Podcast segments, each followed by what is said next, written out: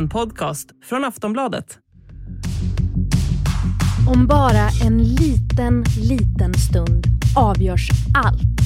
Valet är bara dagar bort. Kära lyssnare. Vi har bestämt oss för att vi lämnar över vårt sista avsnitt innan valet helt och hållet i era händer. För ni har skickat in så smarta och roliga frågor till My och Lena. Och det ni vill veta är precis det jag också behöver svar på de här sista dagarna. Så det här, det är ert avsnitt. Välkomna till The Final Countdown i Aftonbladets politikpodd En runda till med My Råväder, Lena Melin och mig, Soraya Hashim.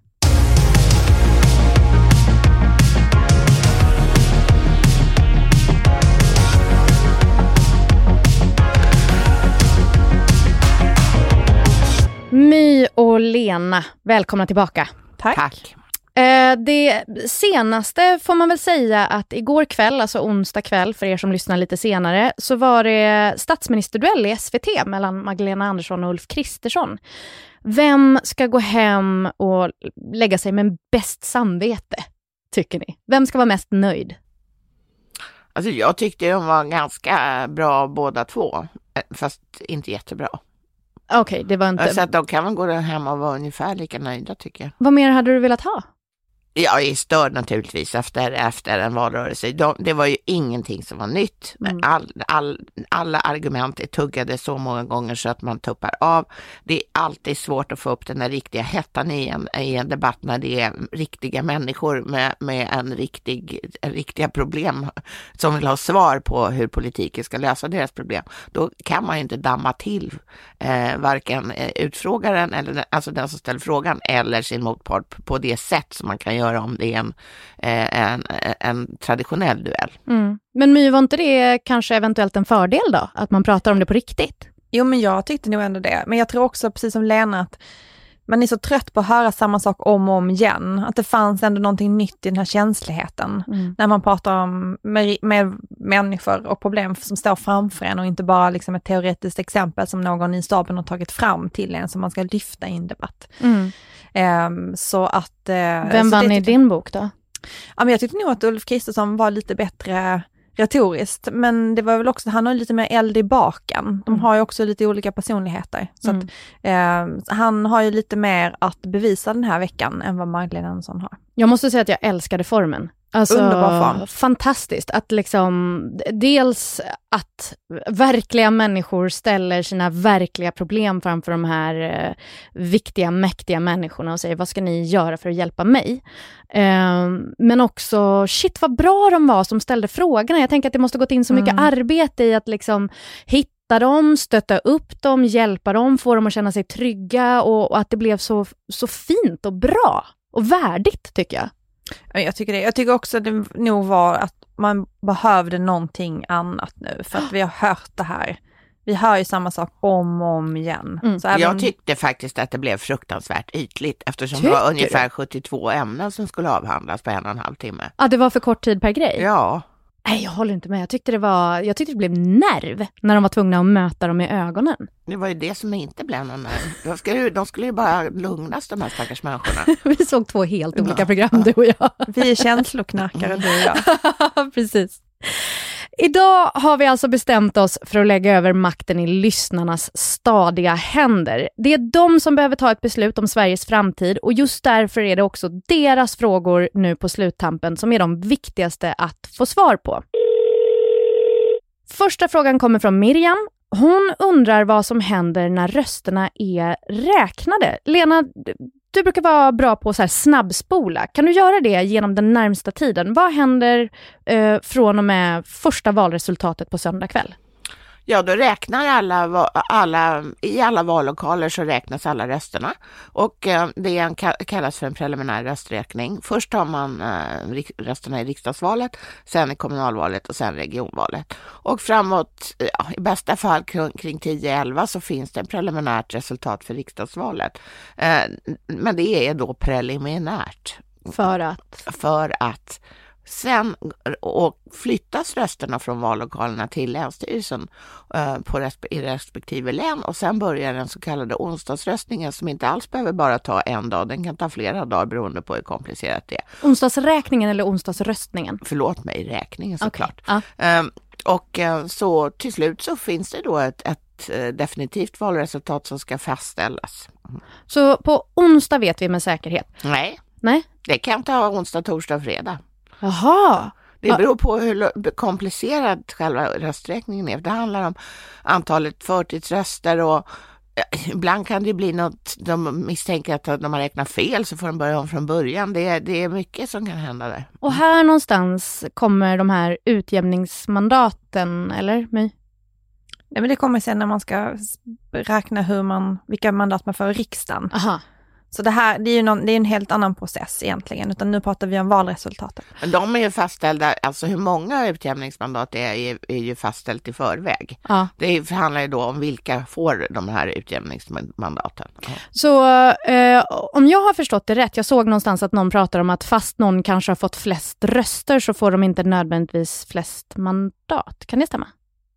Ja, fast mycket sällan. Ja, okay. Alltså det svenska valsystemet är till skillnad från väldigt många andra i grunden oerhört rättvist. Ja. Och det, det skapar ju de här eh, svåra, alltså många vill ju ta bort det därför att det blir ju ofta väldigt jämnt och därför väldigt svårskött. Och vilken dag räknar vi med att de liksom kliver in i riksdagen igen och ska börja älta vem som ska dansa med vem? Vi bara inte räknar med det, är den 26 september. Upprop.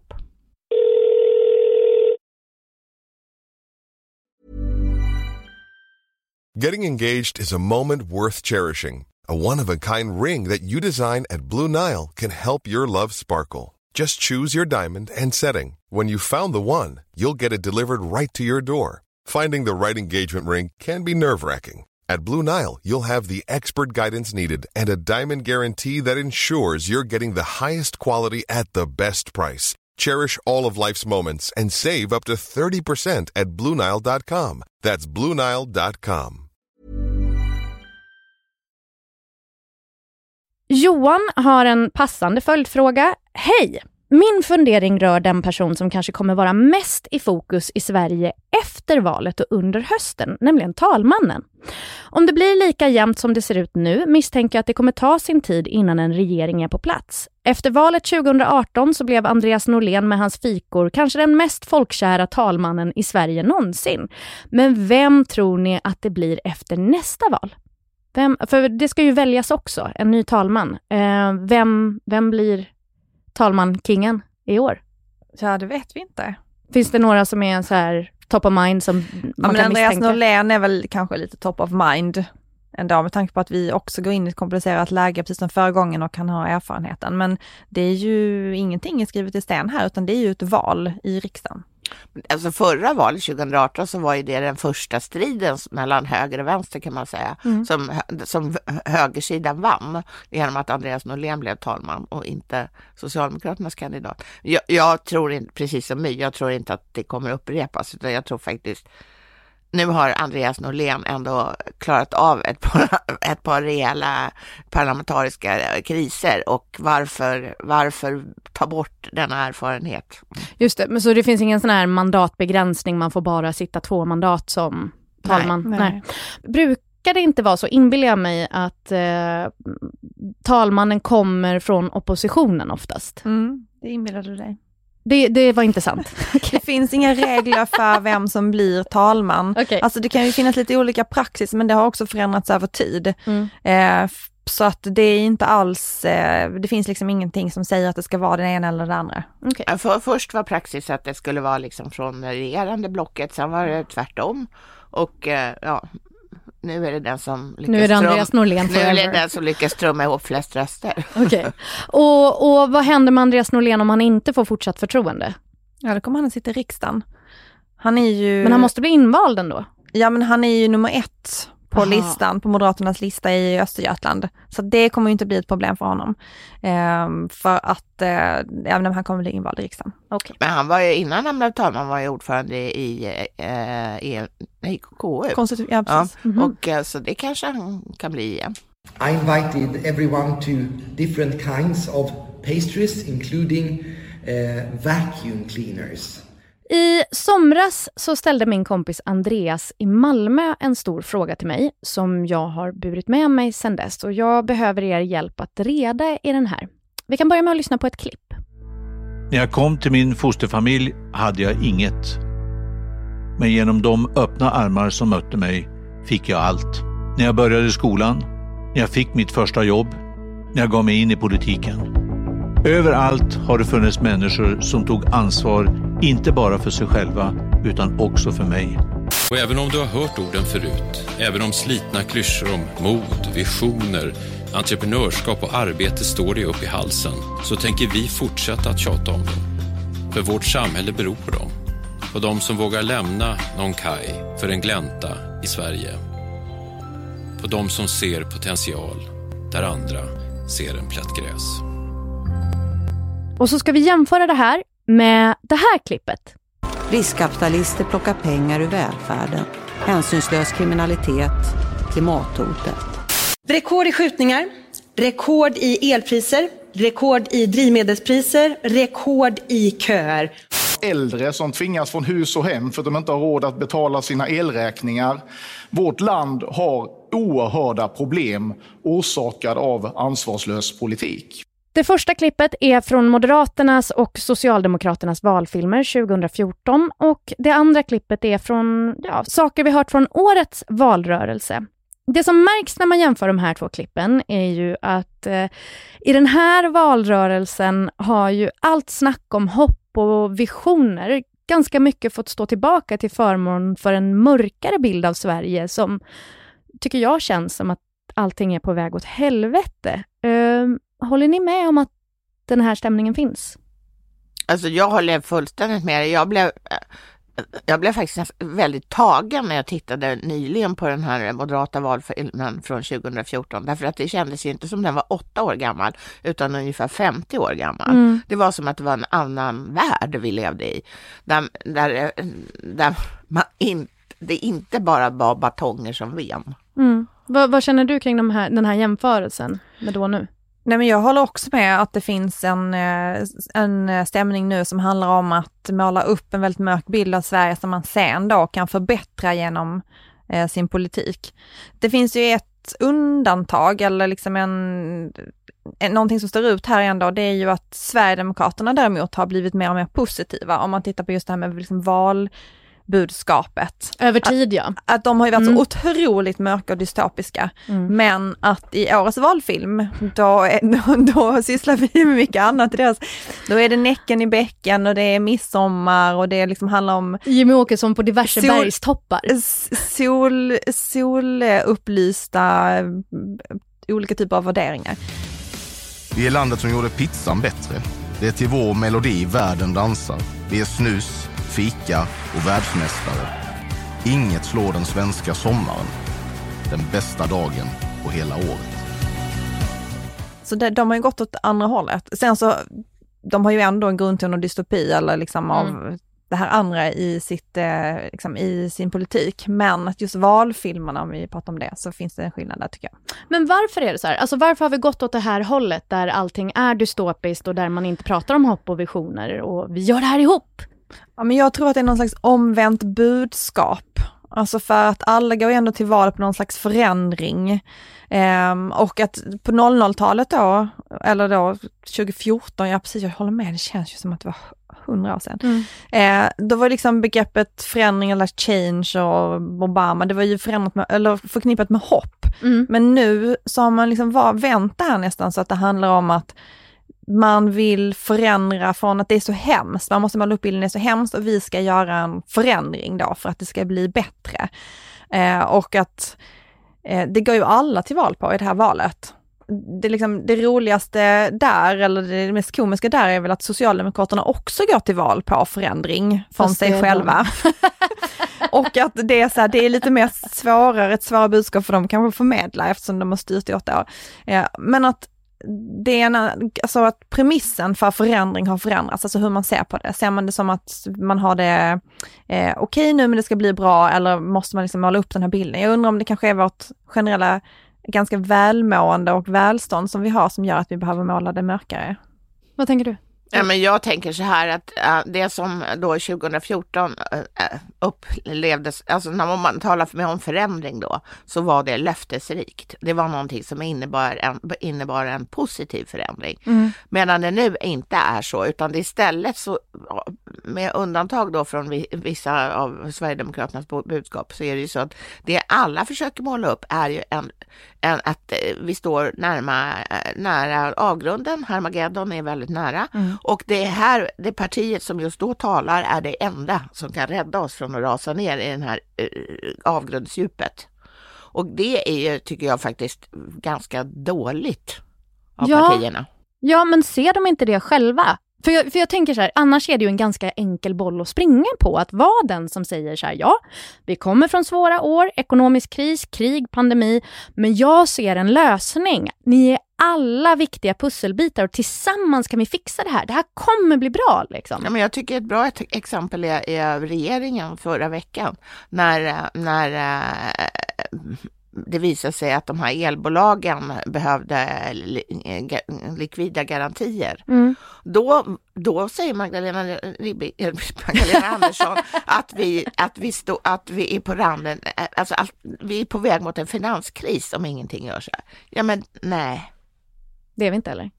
Nej, alltså istället för att säga vi gör så här ett ganska enkel grej. Vi sätter av 250 miljarder som förhoppningsvis ingen kommer att använda bara för att elbolagen inte ska gå i KK. Mm. Därför att eh, elmarknaden är hyperkonstig just nu.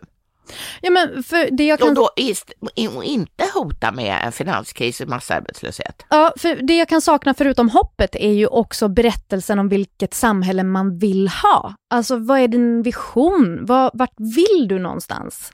Ja, men den har ju helt, alltså det, den aspekten på den här valrörelsen har ju, har, har ju för så länge sedan försvunnit därför att nu handlar det ju bara om, om eh, att, eh, så att säga, avvärja eh, kortsiktiga hot. Mm. Jag tycker att det finns partier som sysslar mer och det finns partier som sysslar mindre med den här typen av liksom dystopisk uppmålning. Jag tycker att Liberalerna och Centerpartiet till exempel eh, sysslar mindre med det. Och det mm. kanske också li ligger i den liberala ideologin att det finns liksom ett framåtsträvande för att allting blir bättre.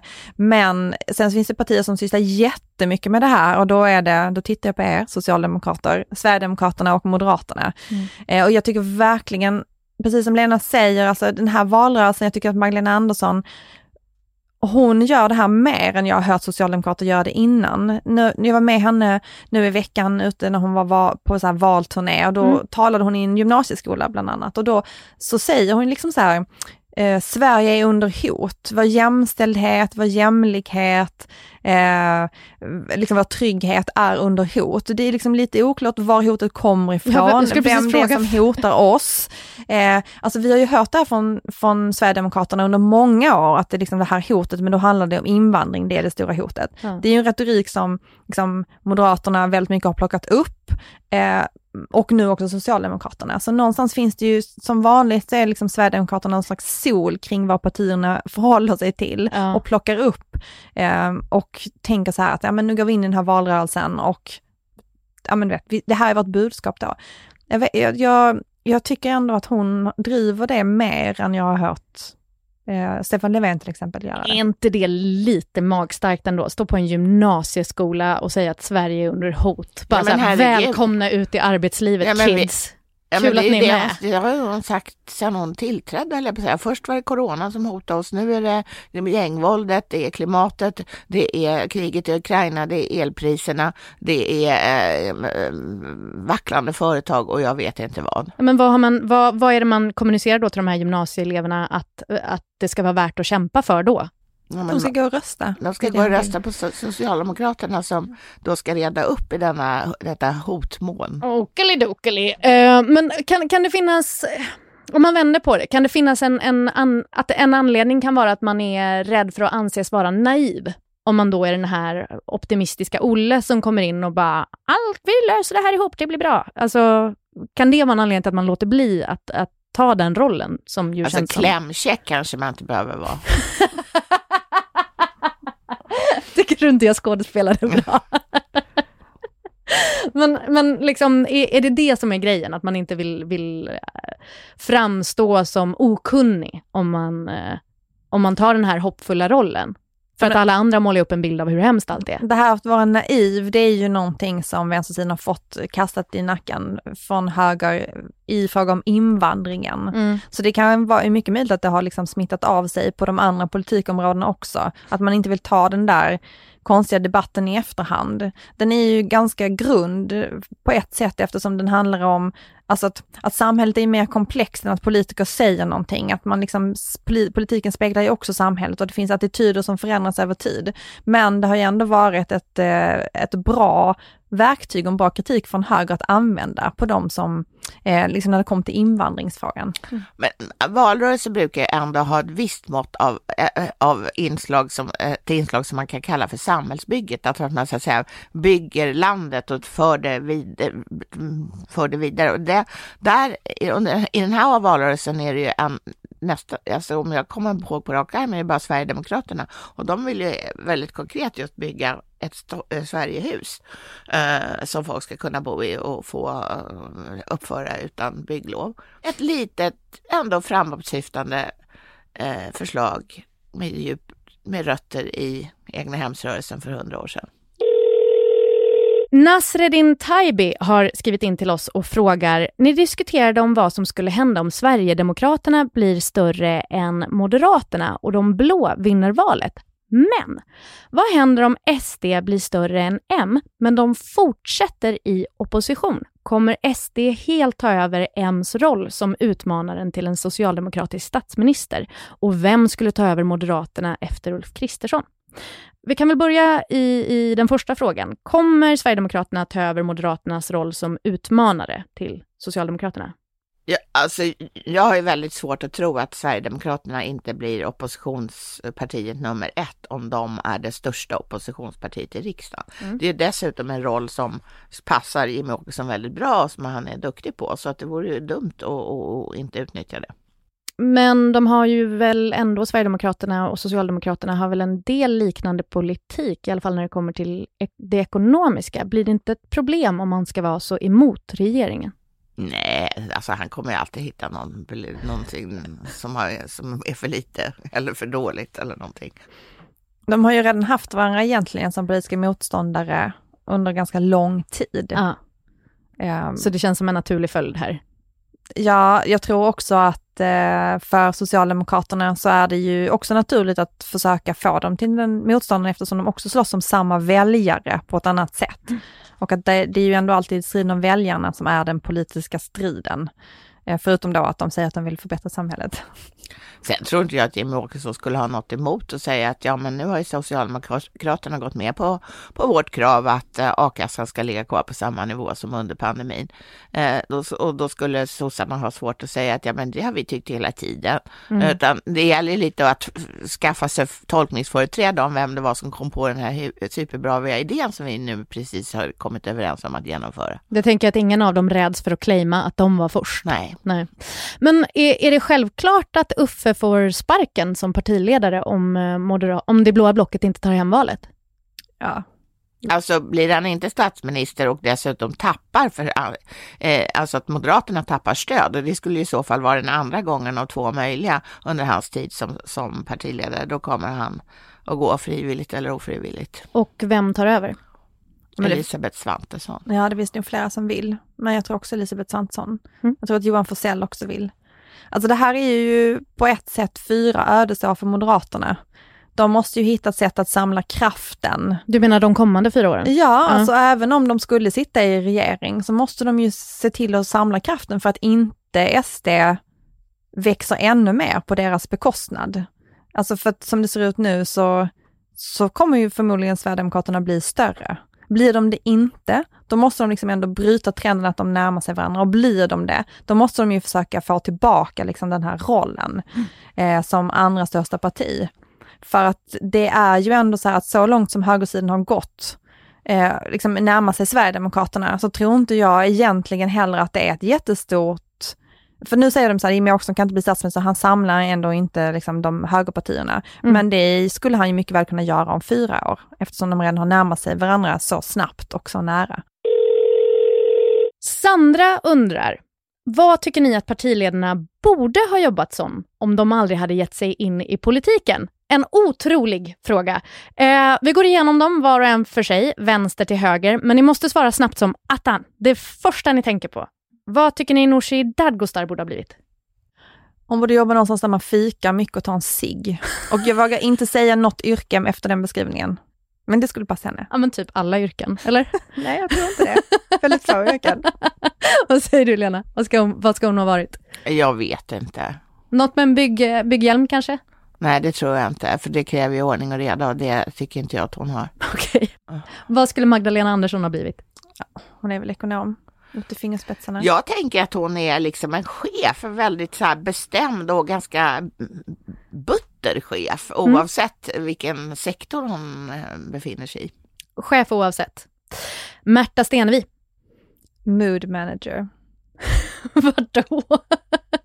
Ja men vad som helst, vilket företag som helst. Det här är sådana människor som, är, alltså det svenska uttrycket är väl typ så här professionell stämningshöjare. Alltså sånt. du tänker någon som kommer in och bara, hörni gänget, nu har vi AV, kolla ja. Lena fyller år, vi har satt upp girlanger. Ja, eh, exakt. Den typen av så här, ja. My, vill du vara med i kontorskören? Någon som är så här, vi dansar, nu har vi fredagsdans, sånt som man bara, snälla människa, sluta.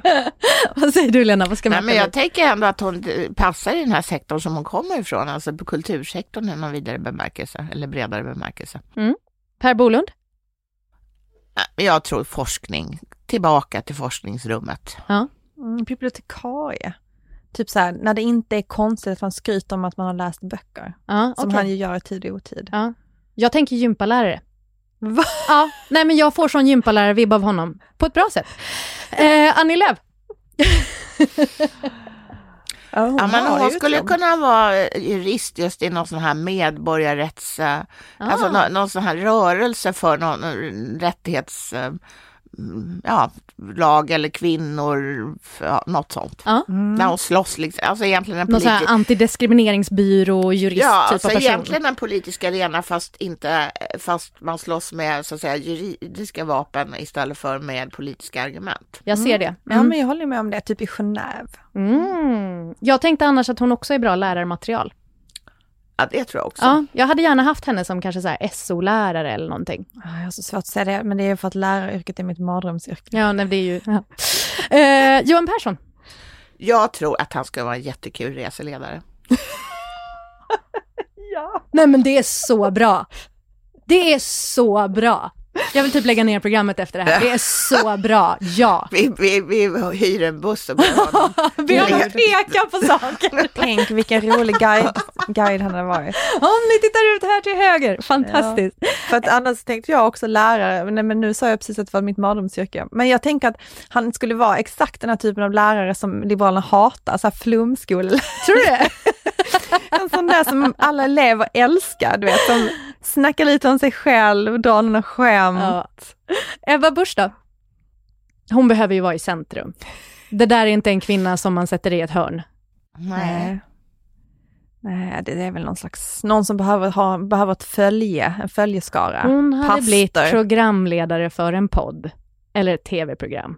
Hon, ha, hon behöver ju synas. Frikyrkopastor. Ja, kanske, absolut. Ja, men du har rätt. Alltså, eh, eh, fredag med Ebba, det ser man ju framför Eller hur? sig. Eller hur? Ja. Välkomna till Fredag med Ebba! Ulf Kristersson. Jag, jag vet. För det här har jag tänkt på ja. så himla länge. Ja. Han skulle ju vara en sån här poetry slam poet. Va? Japp, 100 procent. Nej men, jo. hur får du ihop det? Jo, jo så är det. Det är det enda andra jobbet kan han ha, han, kan ha om han inte ska bli någon slags dandy. Men alltså, jo. Men hur menar du? Jag får, jag får inte ens det i huvudet att liksom bli en och samma person. Jo men titta på honom när han pratar. Han rör ju sig på det här sättet, ah. att han liksom markerar takt med sina händer när han pratar och så pratar han i takt. I will never unsee it. Alltså det är, har tänkt på det så länge. Det började i förra valrörelsen. Han hade någon slags föredrag på valupptakten. De var på någon Finlandsfärja, någon båt eller någonting. Och det var, det behövdes bara liksom en liten så här baston bakom. Så var det bara poetry slam rakt av. Nej men jag måste säga det här med Ulf Kristersson, det han ägnar väldigt mycket tid det är ju liksom att tala om hur mycket han äh, tränar och sådär. Mm. Jag tänker att han skulle vara med, ja, någon sån här äh, ja, vara med i någon kampanj, håll dig fit eller något sånt där. Ja, ja, ja, så inspirations... Ja, Nya prins Daniel. Ja, har han gjort det? Ja, men de har ju någon sån här hälsogrej. Eh, han och, och kronprinsessan har ju någon sån här hälsogrej tillsammans med... Ja, men här tänker jag nog lite mer konkret än att man ska vara ute och ur och skur dagis och sånt där. Okej, okay, okay. Influencer. Ja, Ja, friidrottslärare. Jag vet inte, löppodd, löppodden med Chris, Ulf Kristersson. Ja, och sen kan man varva det liksom med så här skogsbad. Det kan han, han gillar ju att jaga, man kan säkert få det till skogsbad. Mycket bra. Och slutligen då, Jimmy Åkesson, vad skulle han ha gjort om han inte vore politiker? Alltså jag, det var en bild på honom häromdagen som jag såg och så tänkte jag så här, han borde ju bara vara speaker på så här hundkapplöpning. Men du, vad konstigt för jag tänkte på fotbollsmatcher faktiskt. Samma grej. Ja. Ja, liksom det här kategoriska som Sverigedemokraterna har, att allting är skit och då kan man säga Mjällby gjorde allting rätt, de andra gjorde allting fel. Jag, ser, jag kan höra honom. Ja, vi har Jimmy, vi har hittat ett yrke åt dig. Ja, men nu har ni någonting Varsågod. att falla tillbaka på om det här med politiken inte löser sig. Robin vill göra ett påhäng på förra veckans fråga om att rösta blankt. Han vill inte göra det, utan han vill ändå rösta på ett parti, men han vet inte hur han ska välja. Han tycker kanske inte att de här partierna riktigt ger honom det han vill ha. Så vad rekommenderar ni honom att göra? Ni får tre alternativ. Att ändå rösta på det partiet han sympatiserar med mest, trots att det inte känns helt bra. Att utgå ifrån någon enskild sakfråga som betyder mycket och rösta på det parti som matchar den sakfrågan bäst eller att endast utgå från vem man vill ha som statsminister. Magdalena eller Ulf? Ja, jag säger alternativ A.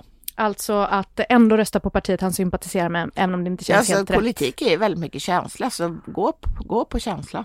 Mm. Vad säger du My? Nej men jag, jag håller med. Alltså rösta med den delen av din kropp som du känner mest med. Hjärtat eller magen eller vad det blir. Mm. Um, och eh, man kanske gör en valkompass, se vilket parti det är. Och så, sen så om det finns flera alternativ, det här brukar jag alltid säga till mina kompisar, det är nu, för det är nu de hör av sig. Mm. Vad ska vi rösta på? Här går det fyra år, ingen ringer. Då är jag så här, ursäkta. Exakt. Men, men... Nej men, eh, och då rösta med känslan. Om det finns flera alternativ, ni gör lite tester, ni tittar på, det finns flera alternativ. Välj den personen som det känns bäst med, som ni gillar bäst, som ni inte kommer irritera på sen när de säger saker. Fast jag tänker samtidigt det, det Robin skriver här, att, att liksom, även om han sympatiserar mest med ett visst parti fast det inte känns helt bra för att det kan finnas andra faktorer, de kanske har ändrat sin politik, man kanske inte gillar partiledaren, man kanske, vad det nu än är för faktorer som gör att man, man tvekar på det partiet man egentligen håller med om. Ska man skippa de känslorna? Finns det inte en risk att det partiet då bara blir helt flängigt när det väl gäller och att de man inte gör som ju, de säger? Man kan ju ta hänsyn till både A, B och C. Mm. Ja, Ja, ibland kan man väl det. Ja, så att och de här tre alternativen som du räknade upp, mm. det, det, är ju inte jättesvårt. Ja, men jag tänker att överlag tycker jag Robin ändå har pinpointat tre viktiga grejer att ha med sig när man ska ja, rösta. Det här är tre viktiga faktorer överlag. Mm. Absolut.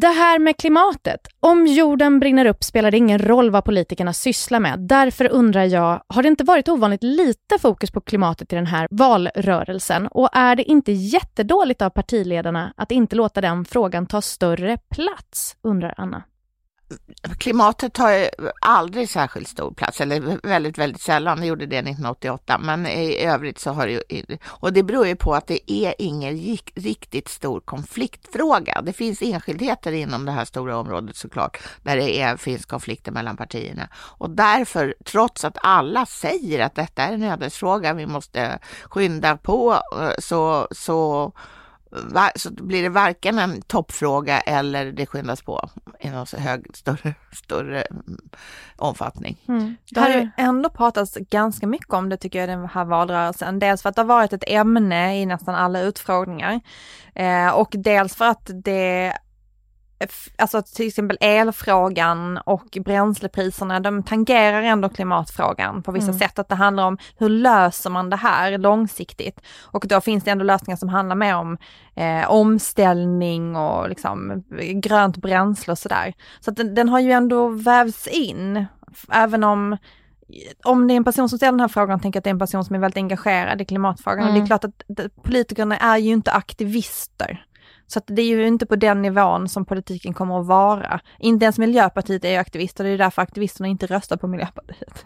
Men jag Men kan ändå det... se det att liksom folk som, som verkligen brinner för klimatet och, och den frågan, jag hör en besvikelse därifrån att varför börjar man prata om kärnkraft så fort man, man eh, liksom, när, när det ska handla om klimat, varför börjar man prata om elpriser? Liksom? Att man inte faktiskt pratar om klimatet när det är klimatet på temat. För att det är ju också någonting som hänger ihop och som betyder någonting för väljare. Men jag tror att om man är klimataktivist så är det liksom en alternativ rörelse. Det är inte i politiken man kommer att liksom hitta sin hemvist. Men det är en intressant utveckling är ju att politiken är ju inte drivande i klimatfrågan längre. Det är ju företagen. Mm. Uh, och det är de som driver den här frågan framför sig. Så att den här frågeställaren kanske liksom helt enkelt får, får um, sätta sitt hopp till de här storföretagen som, och småföretagen som uh, ser inte bara, som ser att de kommer att tjäna pengar på klimatomställningen. Alltså de förbereder sig för att inte vara helt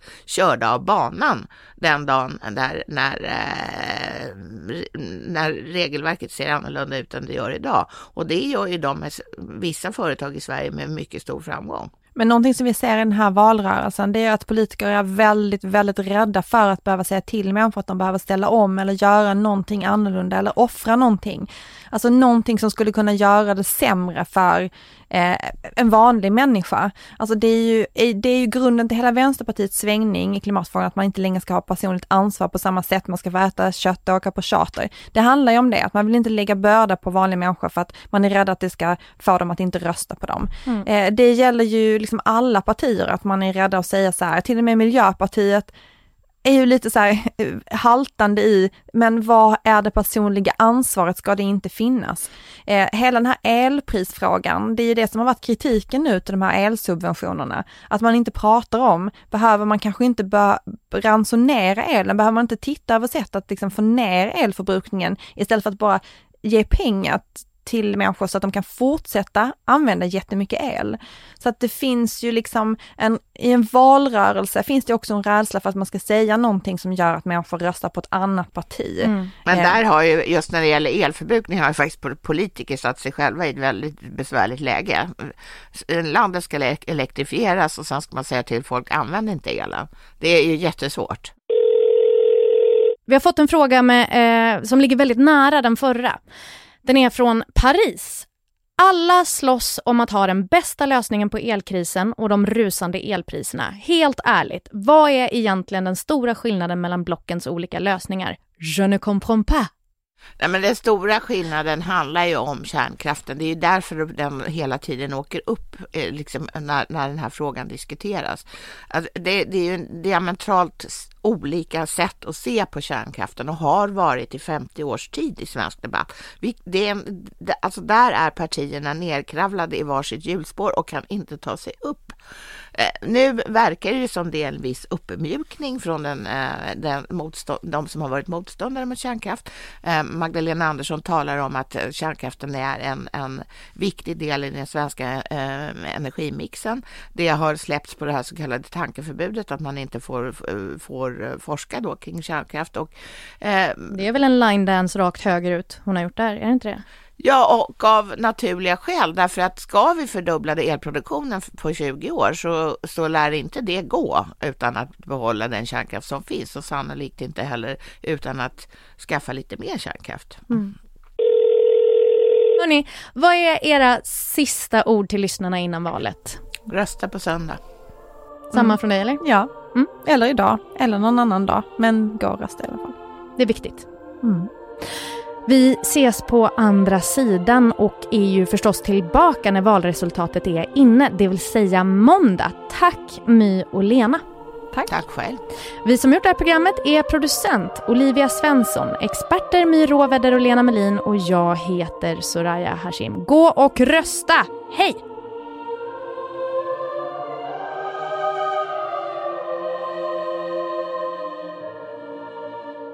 Du har lyssnat på en podcast från Aftonbladet. Ansvarig utgivare är Lena K Samuelsson.